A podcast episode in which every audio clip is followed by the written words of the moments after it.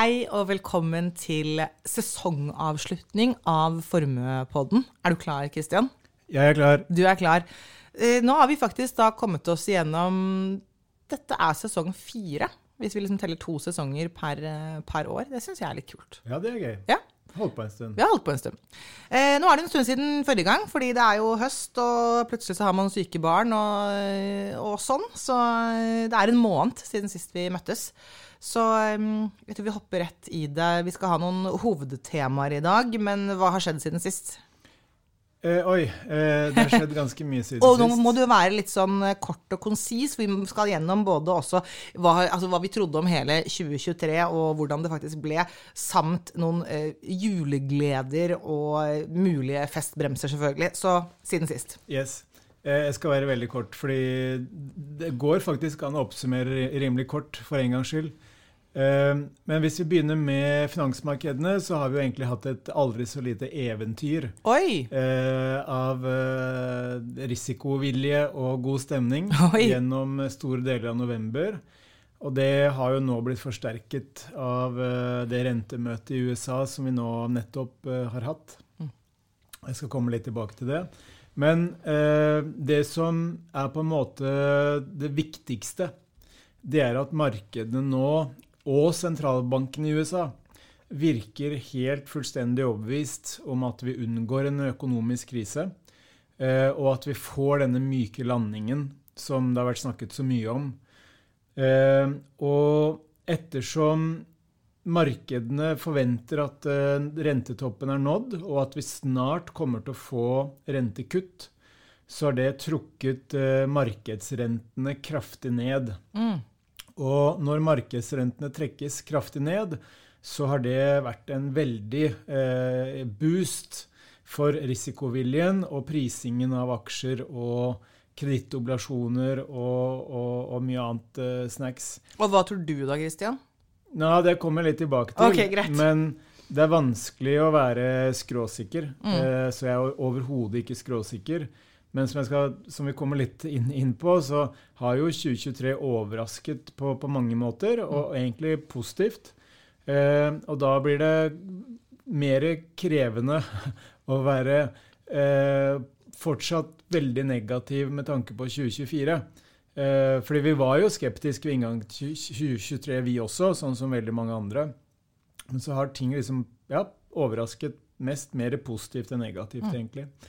Men hvis vi bare tenker på dette med eh, rentemøtet i USA denne uken her, så signaliserte altså sentralbanken i USA tre rentekutt i 2024. Mm. Eh, og det var en overraskende, eh, kall det duete, som det heter. Altså veldig eh, forsiktig sentralbank, og som da signaliserte at det er veldig høy sannsynlighet for at renten nå skal ned. Eh, og Samtidig så var sentralbanken også veldig tydelig på at eh, vi tror ikke på noen resesjon eh, med stigende ledighet, kraftig økning i ledigheten. Så liksom alt ser ut til å være sånn gullhårscenario, sånn som eh, markedene hadde trodd på. Men det var USA. Blir det, blir det rentekutt her også? Det er sånn jeg personlig lurer på. Eh, nei, Nei. Jeg tror det er veldig liten sannsynlighet for at Norges Bank kutter renten i dag. Eh, det vil si rentemøtet er vel eh, klokka ti, det vil si om 40 minutter. Oi, så vi ja. vet ikke. Men veldig lite sannsynlig. Veldig lite sannsynlig. Best case er at Norges Bank holder styringsrenten uendret. Eh, worst case er at de hever en gang til. Mm. Men, men øh, vi skal nok se lenger etter rentekutt i Norge kanskje enn i USA. Så det eurosonen. sitter vi snakker om sesongavslutningen sikkert neste år igjen nå, da. Det, det, kan nok, det kan nok hende. Ja. Eh, men i hvert fall, finansmarkedene har respondert veldig positivt på det her gjennom november og nå eh, inne i, i desember. På makrosiden, veldig kort oppsummert, tegn til oppbremsing i amerikansk økonomi, men ingen bråbrems. Mm. Og det faller helt inn i dette myk landingsscenario, hvor økonomien bare bremser akkurat passe nok opp til å få inflasjonen ned mot målet. Eh, Men uten at man får en resesjon. Og arbeidsmarkedene fortsatt eh, rimelig sterke både i USA og i eurosonen. Når det gjelder europeisk økonomi, så er eh, økonomiene der på grensen til resesjon. Det, det, det er nullvekst, kan vi si. Så vidt det var negativ BNP-vekst i Storbritannia, altså britisk økonomi. Men heller ikke der så er det noen sånn selvforsterkende krise i emning. Det er svak vekst, men ikke så svak at den skremmer noen. Når det gjelder Kina, så har det vært tegn til stabilisering. Myndighetene har gjort en god del forskjellige grep her og der, uten at det er de store tingene. Og veldig sannsynlig så når myndighetene sitt vekstmål på 5% for 2023. Men når det gjelder Kina, fortsatt store utfordringer i eiendomssektoren. Det er lav vekst i eksporten til Europa og til USA. Det er demografiske utfordringer, og vi ser at både bedrifter og privatpersoner eh, som ikke er knyttet til staten, de holder, eh, de holder stramt på lommeboka, for å si det sånn. Så det var egentlig veldig kort oppsummert eh, rundt eh, den økonomiske situasjonen og finansmarkedene siden sist. Bra. Da går vi til eh, dagens første hovedtema, som er da hva trodde vi om 2023, og hva, hvordan ble faktisk året? Fordi hvis vi går til den første episoden i 2023 i januar, da, andre, liksom, andre enden av dette året her, så måtte jo du sitte og mm, spå litt fremover, eller hva du, hva du, trodde om 2023. Og nå er jo da det morsomme å se på var hvor mye rett og hvor mye galt fikk du. Og i, i og med at dette er sesongavslutning, så øh, betyr jo det at det også kommer en sesongstart på nyåret. Og da skal du få lov til å si hva du tror om 2024. Men nå altså 2023. Hva, hva trodde vi, og hvordan ble det faktisk? Ja, vi kom jo med, med tre, eh, unnskyld, fem eh, spådommer for, for 2023. Og, og, svarene sånn i retrospekt eh, er sånn passe.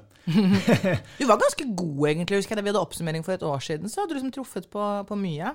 Ja, eh, denne, denne, gangen er det kanskje ikke så mye å skryte av. Okay. Men de fem, det var jo at vi skrev at det var fortsatt høy resesjonsfare i USA og Europa. Og det er bra å ta feil av, da. Ja. Nummer to, eh, vi spådde en bedring i kinesisk økonomi. Nummer tre, mulighet for ny oppgang i mat- og energipriser. Eh, nummer fire det var at inflasjon og renter skulle forbli en kilde til uro i finansmarkedene. Og nummer fem at statsobligasjoner får et bedre 2023 enn 2022. Og Hvis vi da begynner med den første, høy resesjonsfare i USA og Europa. Nei, vi har overhodet ikke hatt noe resesjon i USA. Eh, derimot så har amerikansk økonomi vært den som har overrasket eh, stort sett de fleste i positiv forstand. Vi har sett at eh, forbrukerne har opprettholdt pengebruken i veldig stor grad.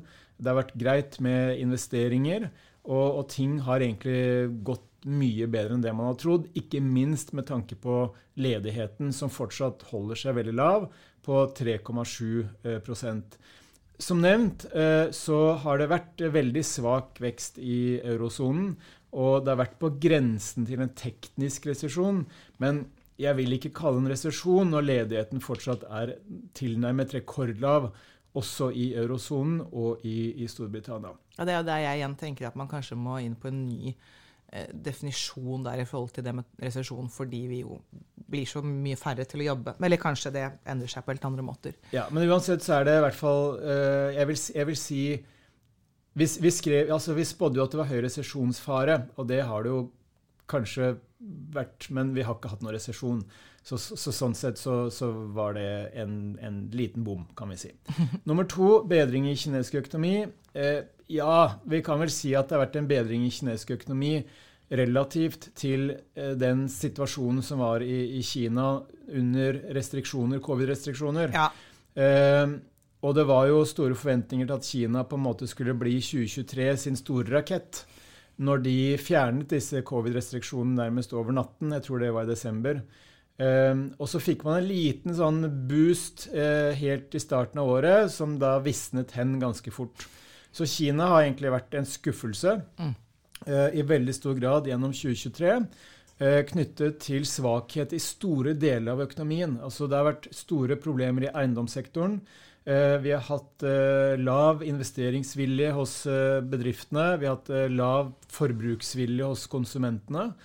og vi har også mer sånn demografiske, langsiktige utfordringer, hvor, hvor befolkningen blir stadig eldre, også der. Og befolkningen blir faktisk mindre. Altså man hadde jo, var 2022 var første året hvor eh, det faktisk ble færre kinesere. Relativt til den okay. befolkningsveksten som man, man, har sett tidligere. Da. Så bedring i kinesisk økonomi, tja, er vel riktig svaret. Det ble bedre, men ikke så bra som man hadde trodd. Og nummer tre, det var jo mulighet for ny oppgang i mat- og energipriser. Og der vil jeg si at svaret er njei. Fordi inflasjon betyr jo stigende priser. Og matprisene har for så vidt eh, steget videre i 2023 i veldig mange land. Men prisveksten har blitt lavere. Altså prisene har steget i et saktere tempo. Og hvis vi ser på denne eh, globale matprisindeksen som FN utarbeider, så har matprisene gjennomgående avtatt eh, gjennom 2023. Og det i motsetning til da 2022, hvor matprisene steg kraftig eh, etter at Ukraina invaderte, unnskyld, Russland invaderte ja. Ukraina. Eh, når det gjelder energipriser, så har vi har sett kraftig fallende energipriser gjennom 2023. Og ikke minst oljeprisen. Den var jo oppe på 130 dollar nesten i mars 22 etter invasjonen av Ukraina. Um, og vi hadde en spike på sensommeren også i oljeprisen, men nå er vi altså nede på 74 dollar mm. uh, fatet. Og det oljeprisfallet det har skjedd til tross for at OPEC og Russland uh, skal ha kuttet ganske mye i produksjonen. Og vi har hatt, hatt rimelig grei etterspørsel etter energi fordi verdensøkonomien tross alt har holdt hodet over vannet. Men det som kanskje forklarer dette store oljeprisfallet, er kanskje for det første at amerikansk oljeproduksjon har nådd et rekordnivå. Mm. Eh, og det som har vært overraskende med den oljeproduksjonsøkningen i USA, er at de har gjort det med langt færre ressurser enn det de har gjort tidligere. Så oh, ja. hele bransjen har vist en enorm effektiviseringsevne, kan mm. vi kalle det. Så det har kommet mer olje inn i markedet, og derfor har prisene sunket? Sånn det har kommet overraskende mye olje fra den amerikanske siden. Det har det gjort. Ja. Men det vi også vet, det er at når OPEC og Russland da kutter i produksjonen, så forsvinner en del av de bekymringene som var rundt veldig lave lagernivåer. For når de kutter i oljeproduksjonen, så betyr det at uh, alt annet likt, så skal jo oljelagrene da, eller kapasiteten til å produsere mer olje i disse økonomiene, eller disse landene, den vil øke. Mm. Så jeg tror markedet er blitt mindre redd for at vi har knapphet på olje Nettopp, dersom ja. vi skulle trenge mer olje. Nummer fire det var jo at inflasjon og rente skulle forbli en kilde til uro i finansmarkedene. Og den traff vi heldigvis veldig godt på, kan vi si. Nå har jo inflasjonen i seg selv eh, avtatt ganske mye gjennom 2023. Altså Vi er nede på 2,4% konsumprisvekst i eurosonen. Det er nesten ned på målet. Og vi er på rundt 3 i USA. Men det er fra en, fra en topp på 9 mm inflasjon. Så, så inflasjonen har kommet kraftig ned både i Europa og USA. Og det håper vi skal fortsette i Norge også. Inflasjonen er fortsatt altfor høy i Norge i forhold til det sentralbanken er komfortable med. Hva er den på i Norge? Eh, den er sånn fire-fem-ish. Nå, ja. nå, nå, tok det meg litt på jo, men fire-femmers, det er bare jeg liker å ha en slags sånn bilde ja, på det. Kjerneinflasjonen var på 6% før forrige avlesning, og så husker jeg ikke rett og slett helt hva Og vi ønsker å komme ned på sånn to-ish? Jepp. Ja. ja. Rundt uh, ned, ned, mot uh, to-ish. Ja. Um, så akkurat den traff vi godt på, ikke fordi inflasjonen i seg selv har skapt noen store problemer, men fordi vi gjennom 2023 har sett perioder der markedsrenten har steget kraftig. Og det har vært fordi i perioder så har investorene trodd og tenkt at nå kommer renten til å holdes høy mye lenger enn det vi er komfortable med eller trodde på forhånd. Så eh, sensommeren inn mot høsten så hadde vi en periode med kraftig økende markedsrenter. Og det var jo da den amerikanske tiåringen nådde 5 eh, Og det førte jo da bl.a. til eh, motvind for oblasjoner en periode. Og det utfordret også stemningen i, i, aksjemarkedene og finansmarkedene generelt. Så akkurat den så, så, vil jeg faktisk si at vi traff ganske godt. da. På den siste, at statsobligasjoner får et bedre 2023 enn 2022, det var jo Jeg var nesten litt sånn pinlig berørt over å ha satt den på trykk i, i denne CIO-rapporten som vi utgir, og som jeg også nevnte i januar-utgaven eh, av Formuepodden. Fordi det skulle ikke så mye til. Altså Statsobligasjoner, hvis vi tenker på de amerikanske, falt vel 15-16% i, i 2022 eh, 2022. Og da skal det ikke så mye til for at det skal bli bedre i 2023. Så beklager, den var litt teit. Men ja, det ser ut til at de får et bedre 2023, men det er jaggu ikke så mye om å gjøre. Eh, eller jo, altså i, i, i, relativ forstand så er det god margin, men i absolutt forstand, altså hvis vi tenker da på at statsobligasjoner normalt skal gi en hyggelig avkastning, så bidro den kraftige renteoppgangen som jeg nevnte nå i punkt 4, mm. til at ganske lenge så hadde man negativ avkastning i statsobligasjoner også i 2023. Ja. Men når markedene da har blitt stadig mer overbevist om at vi står foran en myk landing, og at rentekuttene venter, så har markedsrentene falt kraftig. Mm. Så denne tiårige amerikanske statsrenten som jeg nevnte, som var oppe på 5 eh, den har nå bikket under 4, faktisk. Mm. Eh, i, i, skrivende eller snakkende stund, som det heter på podspråket. som det heter på podspråket. ja. eh, så, det, så sett i forhold til 2022, ja, relativt sett mye bedre, men det er absolutt ikke noe fest.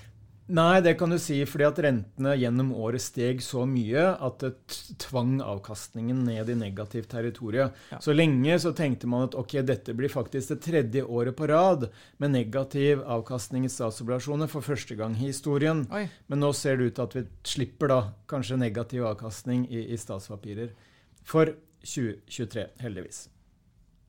Men da syns jeg jo egentlig altså sånn min, eh, min, dom da, over dine spådommer, for dette er jo, selv om vi sier vi, så er det jo dine spådommer det her, tenker jeg at det var jo mye Det var noe, noe ja, og så var det noe tja, men det var ingen som var sånn helt hårreisende feil. Syns du var ganske flink. Jeg. Ja, det var, det var den njeien på ja. mulighet for ny oppgang i mat- og energipriser. Ok, ja. Eh, og, og, den med resesjon også, den eh, at det var resesjonsfare, ja. Du, altså, du, du, kom deg unna ved å si at det er en resesjonsfare. Men vi spådde si. ikke resesjon. Nei, du spådde ikke resesjon, du spådde resesjonsfare. Så det er jo litt sånn snikete å gjøre det. Men, eh, for det kan man jo godt si at jo, ja, er det resesjonsfare. Men, men, det som er også verdt å tillegge for 2024, da, det er at uh, vi i Formue vi er jo egentlig ikke så opptatt av kortsiktige ting. Nei. Vi, vi, snakker jo med kundene våre at uh, ikke vær så opptatt av hva som skjer det neste året eller de neste tolv månedene eller seks månedene, men se heller liksom noen år frem i tid. Ja, Det er jo hele på en måte omkvedet, egentlig, syns jeg, i nesten Altså, er det én ting vi, som har gått igjen og igjen, så er det jo tenke langsiktig, tenke langsiktig. Og, ja, så, ja. så, for uh, eh, 2024 så dropper vi faktisk spådommer, men jeg trekker frem noen jokere. Altså hva er det som kan bli avgjørende for 2024? Så det får vi heller komme tilbake til. Okay. Men da, vi, eh, da glir vi med det fint over på dagens andre hovedtema, eh, med litt sånn julete, julete tittel. Fordi du har satt opp fire julegleder og fire mulige festbremser fra, da, fra oss her i Formepodden. eller positive ting og trusler for 2024.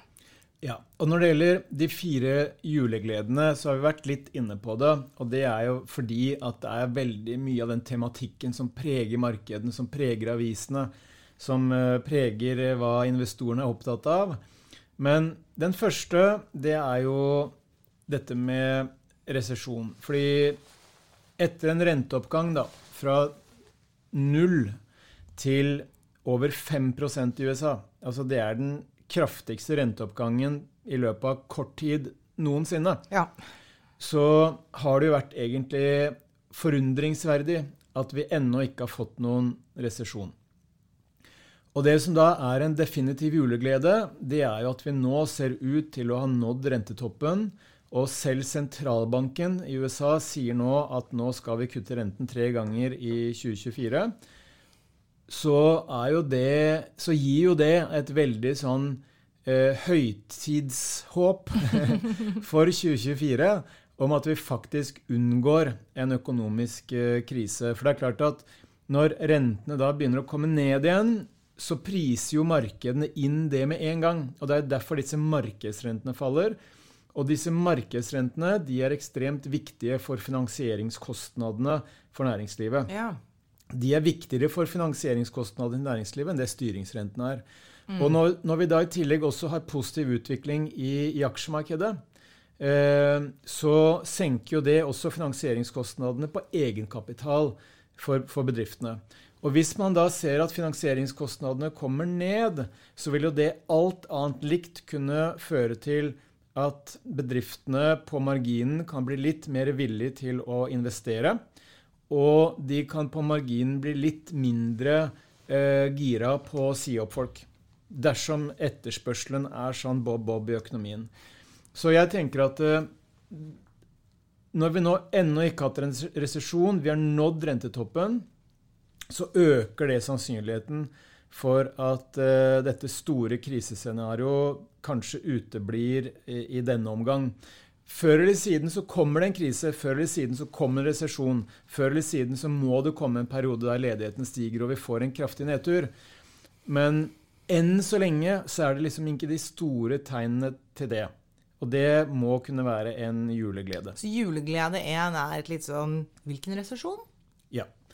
Og nummer to, det er også noe vi har snakket om, og det er det jeg kaller deilige rentekutt. Oh. Og grunnen til at jeg omtaler det på den flåste måten, er jo at når vi nå har på, på en måte vært gjennom en periode fra 2022 gjennom store deler av 2023 hvor alt har handlet om renteøkninger så er det jo slik at vi vet jo ikke om renten virkelig skal kuttes eh, i 2024 eller ikke. Det kan jo skje noe på inflasjonssiden med oljeprisen som på en måte gjør at sentralbankene blir langt mer forsiktige med å kutte rentene, og at de holder renten høy. Men bare vissheten om at sentralbankene nå har mulighet til å stimulere økonomien dersom den går i, i stå, mm. Det i seg selv tror jeg er en viktig støtte for finansmarkedene og viljen til å ta risiko i investeringene sine. Fordi vi vet at vi kommer jo fra et, eh, en periode der renten var null, altså styringsrentene var null. Og det er klart at da er det vanskeligere for sentralbanken å kutte renten dersom man får en økonomisk oppbremsing. Og det det var snakk om den gangen, altså før pandemien, det var jo at eh, ok, vi kan kanskje ikke kutte renten så mye for å stimulere, men da må vi bare trykke mer penger. Mm. Og det begynte jo mange å bli litt sånn mm, Virker egentlig denne pengetrykkingen eller ikke? Høres og, ikke helt Nei, og det, og det, skapte en del sånne der, si, unormaliteter da, i, i, økonomien når man drev og trykket alle disse pengene. Så det at vi nå har 4-5% styringsrente, det gir sentralbankene mulighet til å stimulere dersom økonomien bremser opp. Og det i seg selv kan også være med på å bidra til at det unngår en, en, økonomisk eh, krise, en selvforsterkende spiral i negativ retning i, i, 2024. Så det er lov å håpe. Lov å håpe. Yes. Eh, den tredje det handler rett og slett også om noe vi har vært inne på, nemlig dette med lavere energipriser. Fordi Man kan jo tenke at ok, for en del norske oljeselskaper, kanskje norsk økonomi, for Saudi-Arabia, for Russland, så er ikke lave energipriser og oljepriser så veldig kult. Men hvis man tenker i en sånn global kontekst og på hva som driver økonomiene sånn generelt, og hva som er bra for finansmarkedene, så er lave energipriser egentlig akkurat det vi trenger i øyeblikket. Ja, ja. Også for å unngå resesjon. Mm. Fordi som eh, mitt favorittanalysehus, Gavical Research, har som sitt motto eh, 'Economic activity is energy transformed'. Ja, eller som altså, jeg bare vil si, energi er det som får alt til å skje. Ja, det er det som får hjulene til å gå rundt i, i økonomien. Ja. Så når energiprisene da faller, så vil det alt annet likt gjøre økonomien mer effektiv og velfungerende. Så når vi da har sett en oljepris som har falt ganske mye den siste tiden, vi har sett europeiske gasspriser eh, falle jeg tror det er 70 de siste tolv måneder. Oi, såpass, ja. Eh, så det er klart at det er veldig bra for, for verdensøkonomien. Eh, og skulle vi ser at de, det oljeprisfallet ikke er på en måte en sånn, eh, et varsel om en resesjon. For noen ganger så faller oljeprisen fordi aktørene i oljemarkedene er redd for en resesjon. Men hvis vi ser at oljeprisen faller i hovedsak fordi ja, bl.a. de faktorene jeg nevnte, da, eh, rekordhøy oljeproduksjon i USA eh, Med lavere innsatsfaktor på Ja. Mm. Mer effektiv produksjon, og samtidig høyere produksjonskapasitet i disse landene som har kuttet oljeproduksjonen, så kan det være en positiv greie, definitivt. Så også en juleglede. Absolutt. Kanskje ikke for norske statsfinanser, men det får være noe annet. Nei, nei, men vi har nå tjent Eller altså ja. Vi har tjent nok. Vi har tjent nok på, på ekstraordinære energipriser. Riktig. riktig. Og den siste er egentlig en litt sånn uh, evergreen, vil jeg si. Evergreen, ja. Uh, fordi det, den, den, fjerde julegleden som jeg trekker frem, det er det jeg kaller gode historiske odds. Fordi hvis vi tenker på finansmarkedene da, generelt, og aksjemarkedet spesielt altså Hvis det går bra i aksjemarkedet, så går det stort sett bra med de andre investeringene vi har også. Det er litt sånn det henger sammen. Men aksjemarkedet har historisk steget i tre av fire kalenderår. Og det, det jeg syns vi skal ta med oss under juletreet, det er jo at hvis vi er langsiktige investorer, så må vi bare være forberedt på at innimellom så kommer det et dårlig år. Ja. Og det hadde vi for så vidt i, i 2022. Nå har vi hatt et veldig bra år i 2023, mye pga. kronesvekkelsen, i tillegg til at markedene isolert sett har gått bra. Så globale aksjer målt i norske kroner er opp altså over 30 Oi. siden årsskiftet. Det er ganske heftig. ja, det høres heftig ut. Det er kjempebra. Eh, og da skal vi kanskje ikke forvente at vi får 30% avkastning i 2024. Men in the long run, altså tenk deg det, aksjemarkedet har steget i tre av fire år. Og det gir jo veldig gode odds for at dersom man er langsiktig, og vi tenker liksom 5-10-15 år frem i tid, så skal dette stort sett gå ganske bra. Så her snakker du bare ren statistikk, da. Ja. Ja. Så eh, oppsummert, fire julegleder. Det er da nummer én er en litt sånn Hvilken resesjon var det vi snakket om? Eh, nummer to er deilige rentekutt. Nummer tre er lavere energipriser. Og eh, nummer fire er da altså gode historiske odds. Da syns jeg du var veldig flink til å komme deg gjennom dette også effektivt, men eh, ja, på, en god måte. Så da er det disse man skal jo, Vi skal ikke bare være, sitte her og være glade og optimistiske. Det, det går jo ikke an.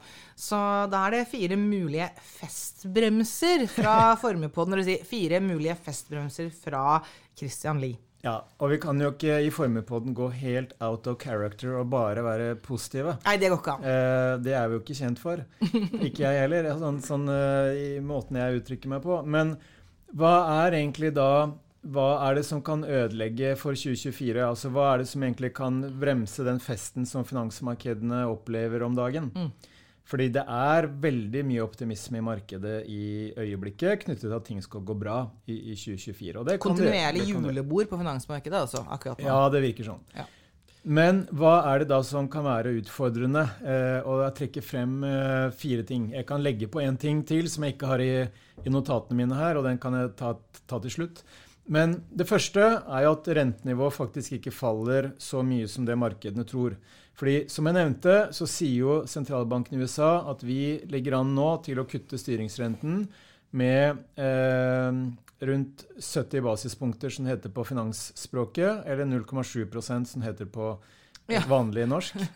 Eh, og det er da sånn ca. tre rentekutt av 20 0,25 eh, men vi vet at mye kan skje. Og eksempelvis hvis vi nå ser at eh, den stemningsboosten som vi har i finansmarkedene, på en eller annen måte bidrar til at f.eks. amerikansk økonomi tar fart, skyter fart, så vet jo vi at vi har tilnærmet rekordlav ledighet.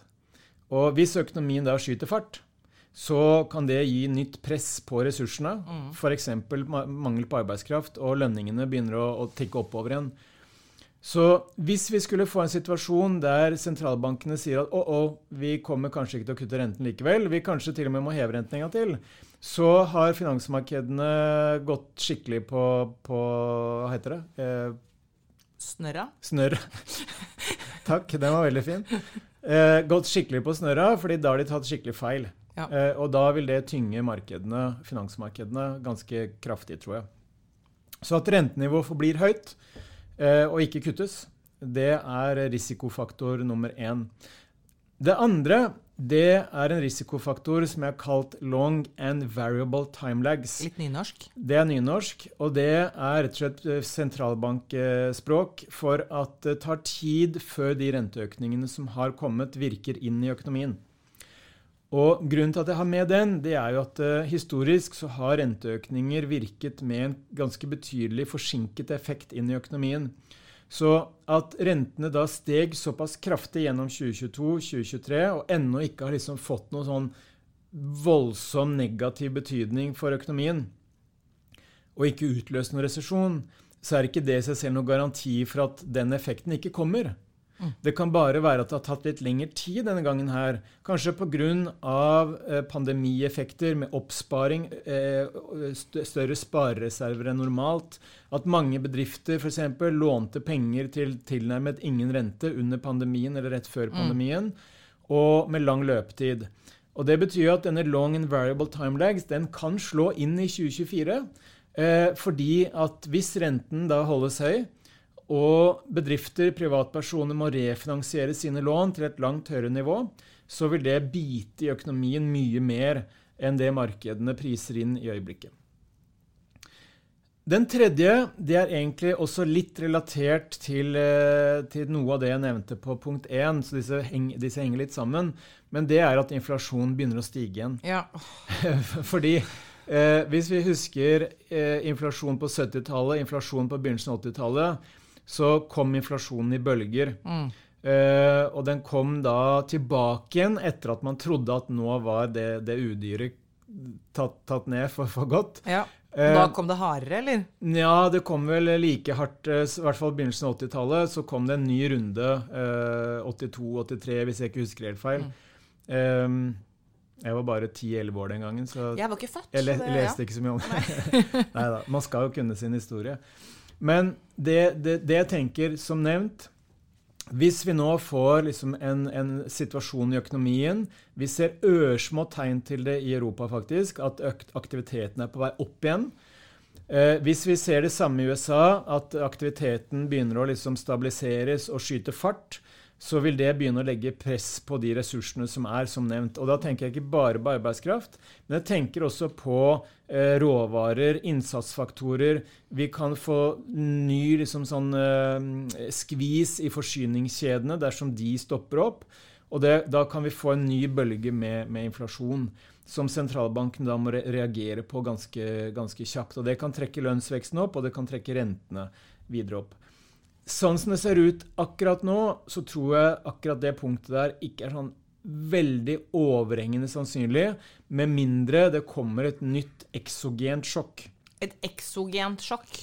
Et eksogent sjokk det er altså et sjokk som kommer si, ikke fra økonomien i seg selv, men kanskje heller fra noe politisk, geopolitisk. Altså, da, utløsende. Jeg er vant til eksoterm, så liksom er, da kommer det varme ut. Men er det eksogent? Så det er uh... Ja, altså det jeg tenker er f.eks. et geopolitisk uh, sjokk da, som mm. gir nye bølger inn i råvare- og energimarkedene. Og da tenker jeg på Ukraina, jeg tenker på Midtøsten. Mm. Det kan være andre geopolitiske konflikter Utløsende. som blusser opp, mm. og som skaper et nytt oljeprissjokk, f.eks. Så egentlig når du har med dette som en sånn mulig, mulig festbrems med at inflasjon stiger igjen, så er det litt Hvis jeg kan lese det litt positivt, så er det litt for å safe oss. Ja, det kan jo skje, men det er av de du, du vurderer dette som mindre sannsynlig? Altså, Ut ifra det vi ser i selve inflasjonstallene og inflasjonskomponentene, så er det lite som tilsier at eh, økonomien i seg selv er i ferd med å utløse noen ny inflasjonsbølge. Det går heller i motsatt retning. Ja. Ehm, men skulle økonomien akselerere for mye, og eller vi får et nytt sjokk ja. fra den geopolitiske siden ja, Det kan man jo aldri vite. Så vet man ikke det. Så, så, vil det kunne være noe som driver inflasjonen oppover igjen, med utgangspunkt i at det allerede er knapphet på ressurser. Mm. Og spesielt ja. arbeidskraft. Ja. Og da er det jo slik at gjennom disse punktene så, så fletter det litt, går litt inn i hverandre. Men det siste jeg skal inn på, det er rett og slett politiske, geopolitiske sjokk. Og det geopolitiske har vi allerede snakket om, så det skal jeg ikke gjenta. Men når det gjelder det politiske, så står vi altså foran et år hvor land som utgjør 63% av BNP, altså bruttonasjonalprodukt i verden, og 80% av markedsverdien i det globale aksjemarkedet, skal gjennom regjeringsvalg. Og det det er desidert størst spenning til, det er jo det som skjer i USA. Og jeg leste litt om det på, på toget innover i dag, og der er det jo folk som nå mener at uh, nå, nå, er ikke jeg noe glad i konspirasjonsteorier, men det, begynner liksom å virke nesten litt sånn spesielt at vi ser det amerikanske politiske systemet. altså Da tenker jeg på Washington DC, byråkratiet, eh, Biden-administrasjonen osv. Er det ting de nå gjør litt sånn bak eh, under bordet mm. for å kunne forhindre at eh, Trump blir gjenvalgt? Eh, og jeg syns Jeg er ikke noe glad i konspirasjonsteorier, men, men, man kan nesten begynne å lure. Mm. Fordi at hvis vi ser på meningsmålingene i USA Det kom en ny fra Wall Street Journal jeg tror det var på mandag eller fredag. Eh, mandag denne uke eller fredag forrige uke. Som viste at eh, på meningsmålingen de har gjennomført, så øker populariteten til Trump, mens populariteten til Biden faller videre. Til ekstremt lave nivåer. Mm. Og det er til tross for at vi har tilnærmet rekordlav ledighet. Vi har bensindrivstoffpriser i USA som har vært eh, avtagende. Inflasjonen er kraftig avtagende. Og økonomien går egentlig ganske bra. Så egentlig i USA så er de tilsynelatende ganske bra styrt? Ja, ja, det kan nesten virke sånn. Ja. Nå er det jo ikke alt presidenten har råderett over, da. Men, nei, nei. Men, nei, men de får jo skylda, liksom. Altså, de, får skylda. Ja. De, de, får skylda. Og det man da ser, det er jo at uh, pengebruken i det offentlige fra Biden-administrasjonen er helt hinsides høy. Mm i forhold til det som normalt skulle være situasjonen i en relativt sterk økonomi. Fordi hvis økonomien gjennomgående er sterk, så skal jo egentlig pengebruken normalt tones ned. For da går liksom økonomien rimelig greit av seg selv. Og de skriveriene jeg så, det er fra veldig anerkjente kilder. Eh, så begynner de også å stille spørsmålstegn ved at den amerikanske sentralbanken plutselig har blitt så tydelig at renten skal kuttes. Mm. For det er jo ingen tvil om at kombinasjonen av sterk offentlig pengebruk og lavere renter, altså ekspansiv finanspolitikk, og det vi kan nå se slutten av, en, en, en innstrammende pengepolitikk skal kanskje bli ekspansiv, på, på, på, i hvert fall gradvis, mm. så er det kjempepositivt for amerikansk økonomi. Eh, og som egentlig reduserer resesjonssannsynligheten ytterligere. Og hvis amerikanerne kutter rentene mer enn det som kuttes i styringsrenten ellers rundt omkring i verden, så vil dollaren svekke seg. Og do hvis dollaren svekker seg, så vil det være veldig positivt for amerikansk industri. For da blir amerikansk mm. industri mer konkurransedyktig i forhold til andre lands industriaktivitet. Og i de statene hvor man nå ser at eh, Biden eh, mister oppslutning ytterligere, f.eks. Michigan, så er det jo mye industri. Mm. Og hvis dollaren da svekker seg, og industrien får en, eh, en rekyl pga. en svakere dollar, så vil det kunne gagne de statene som Biden er mest avhengig av å få økt oppslutning i. Mm. Så som nevnt, dette er eh, spekulasjon, og normalt skal jo sentralbanken være helt uavhengig politisk. Den skal liksom ikke Så konspirasjonen altså når du, når du kaller det, sier at det, Egentlig så vil jeg jo ikke tro på konspirasjonsteorier og, og sånn, så det som, det som, gjør at dette toucher over i noe du vil kalle en konspirasjonsteori, er at det er sentral, altså den amerikanske sentralbanken som er en del av dette. Eh, at de er ja, med? Eh, altså, det, det man historisk har sett da, der sentralbanken normalt sett er ekstremt forsiktige med å gjøre pengepolitiske grep inn i en, et valgår. Ja. Fordi de ønsker ikke å påvirke Nei. utfallet. Nei. Fordi de vet at hvis vi kutter rentene, eller hvis vi hever rentene, så kan det direkte påvirke økonomien. Mm. Og dermed påvirke utfallet av valget. Mm. Fordi det er som du sier, at hvordan økonomien går, har ekstremt stor påvirkning på hvem som blir valgt. Riktig. Presidenten får skylda, mm. enten det går bra eller dårlig. Ja. Og I tillegg så har man denne voldsomme penge, uskyld, finanspolitiske ekspansjonen, altså offentlig pengebruk i USA, som har vært ganske betydelig. Og det i en situasjon hvor økonomien kanskje ikke trenger det. Så, ja. ja. Men, men, jeg hadde en femte, Ja, det hadde du. og den skal jeg ta veldig kort. Mm. Og det er jo at eh, når markedet nå har steget så mye i 2023, og spesielt de siste ukene, så er optimismen i markedet såpass høy, og forventningene til 2024 er såpass optimistiske og positive, at terskelen for skuffelser, den er senket. Ja, ja. For det betyr jo i, i praksis at uh, for at 2024 skal bli et like bra år avkastningsmessig som 2023 har vist seg å bli, da, mm. så må jo ting bli enda bedre i 2024 enn det markedet tror i dag. Og Det betyr jo i prinsippet at veksten skal være høyere. Inflasjonen skal være kanskje der den er, eller lavere. Og rentene skal kuttes kanskje enda mer enn det man tror. Mm. Og Det virker for meg litt sannsynlig, så ja. jeg tror vi skal ha moderate forventninger til 2024.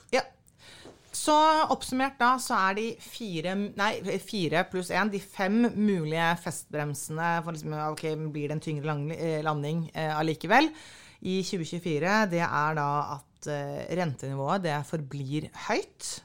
Eh, long and variable time lags, som du kaller det på nynorsk.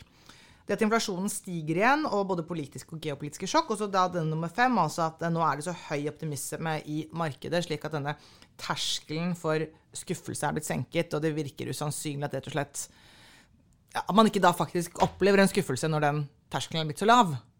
Det er høy sannsynlighet for en skuffelse. Riktig. Høy sannsynlighet for skuffelse. Og det er jo en det, det, er jo en grei eh, avslutning. sånn, eh, Man skal være litt grann, eh, Vi skal ikke bare sitte og ha Vi har ikke nisseluer på oss her, så Nei da, men man, man skal ta med seg de julegledene som vi var igjennom. Ja. Og så kan man eh, legge de, de trusselfaktorene litt bak øret. Jeg tenker det vi kan si at det er betydelig mer positiv stemning å høre altså fra deg nå enn da vi startet opp for eh, snart to år siden. Da var det mye mørkt. Ja, altså man, man lærer så lenge man lever, men, men jeg syns jo at eh, både 20, de siste tre årene i prinsippet har i hvert fall gjort meg ekstremt ydmyk i forhold til å ha noen som helst skråsikre meninger om hva som kommer til å skje. Ja. Så hele budskapet vårt eh, og, og mitt til rådgiverne i Formue og til kundene i Formue, det er jo at uh, glem det der med prøve å spå hvor markedene skal. Ja. Det, det er så ingen som klarer det. Noen, Det er interessant. Altså, det er alltid noen som treffer på spådommene, men det gjør også et ødelagt ur to ganger i døgnet. Det gjør det. Treffer, viser riktig tid to ganger i døgnet. Absolutt. Så, så ikke, bry, ikke bry deg om disse kortsiktige svingningene. Fokuser heller på å legge en god plan som du skal holde i mange år fremover. Det, det er nøkkelen til suksess. Riktig. Det er nøkkelen til suksess. Og med det tror jeg vi kan rett og slett si da takk for i dag. God jul. Eh, og så eh, ses vi, eller så høres vi, som sier, på podsk eh, på nyåret. God jul, Kristian. God jul, Sunniva.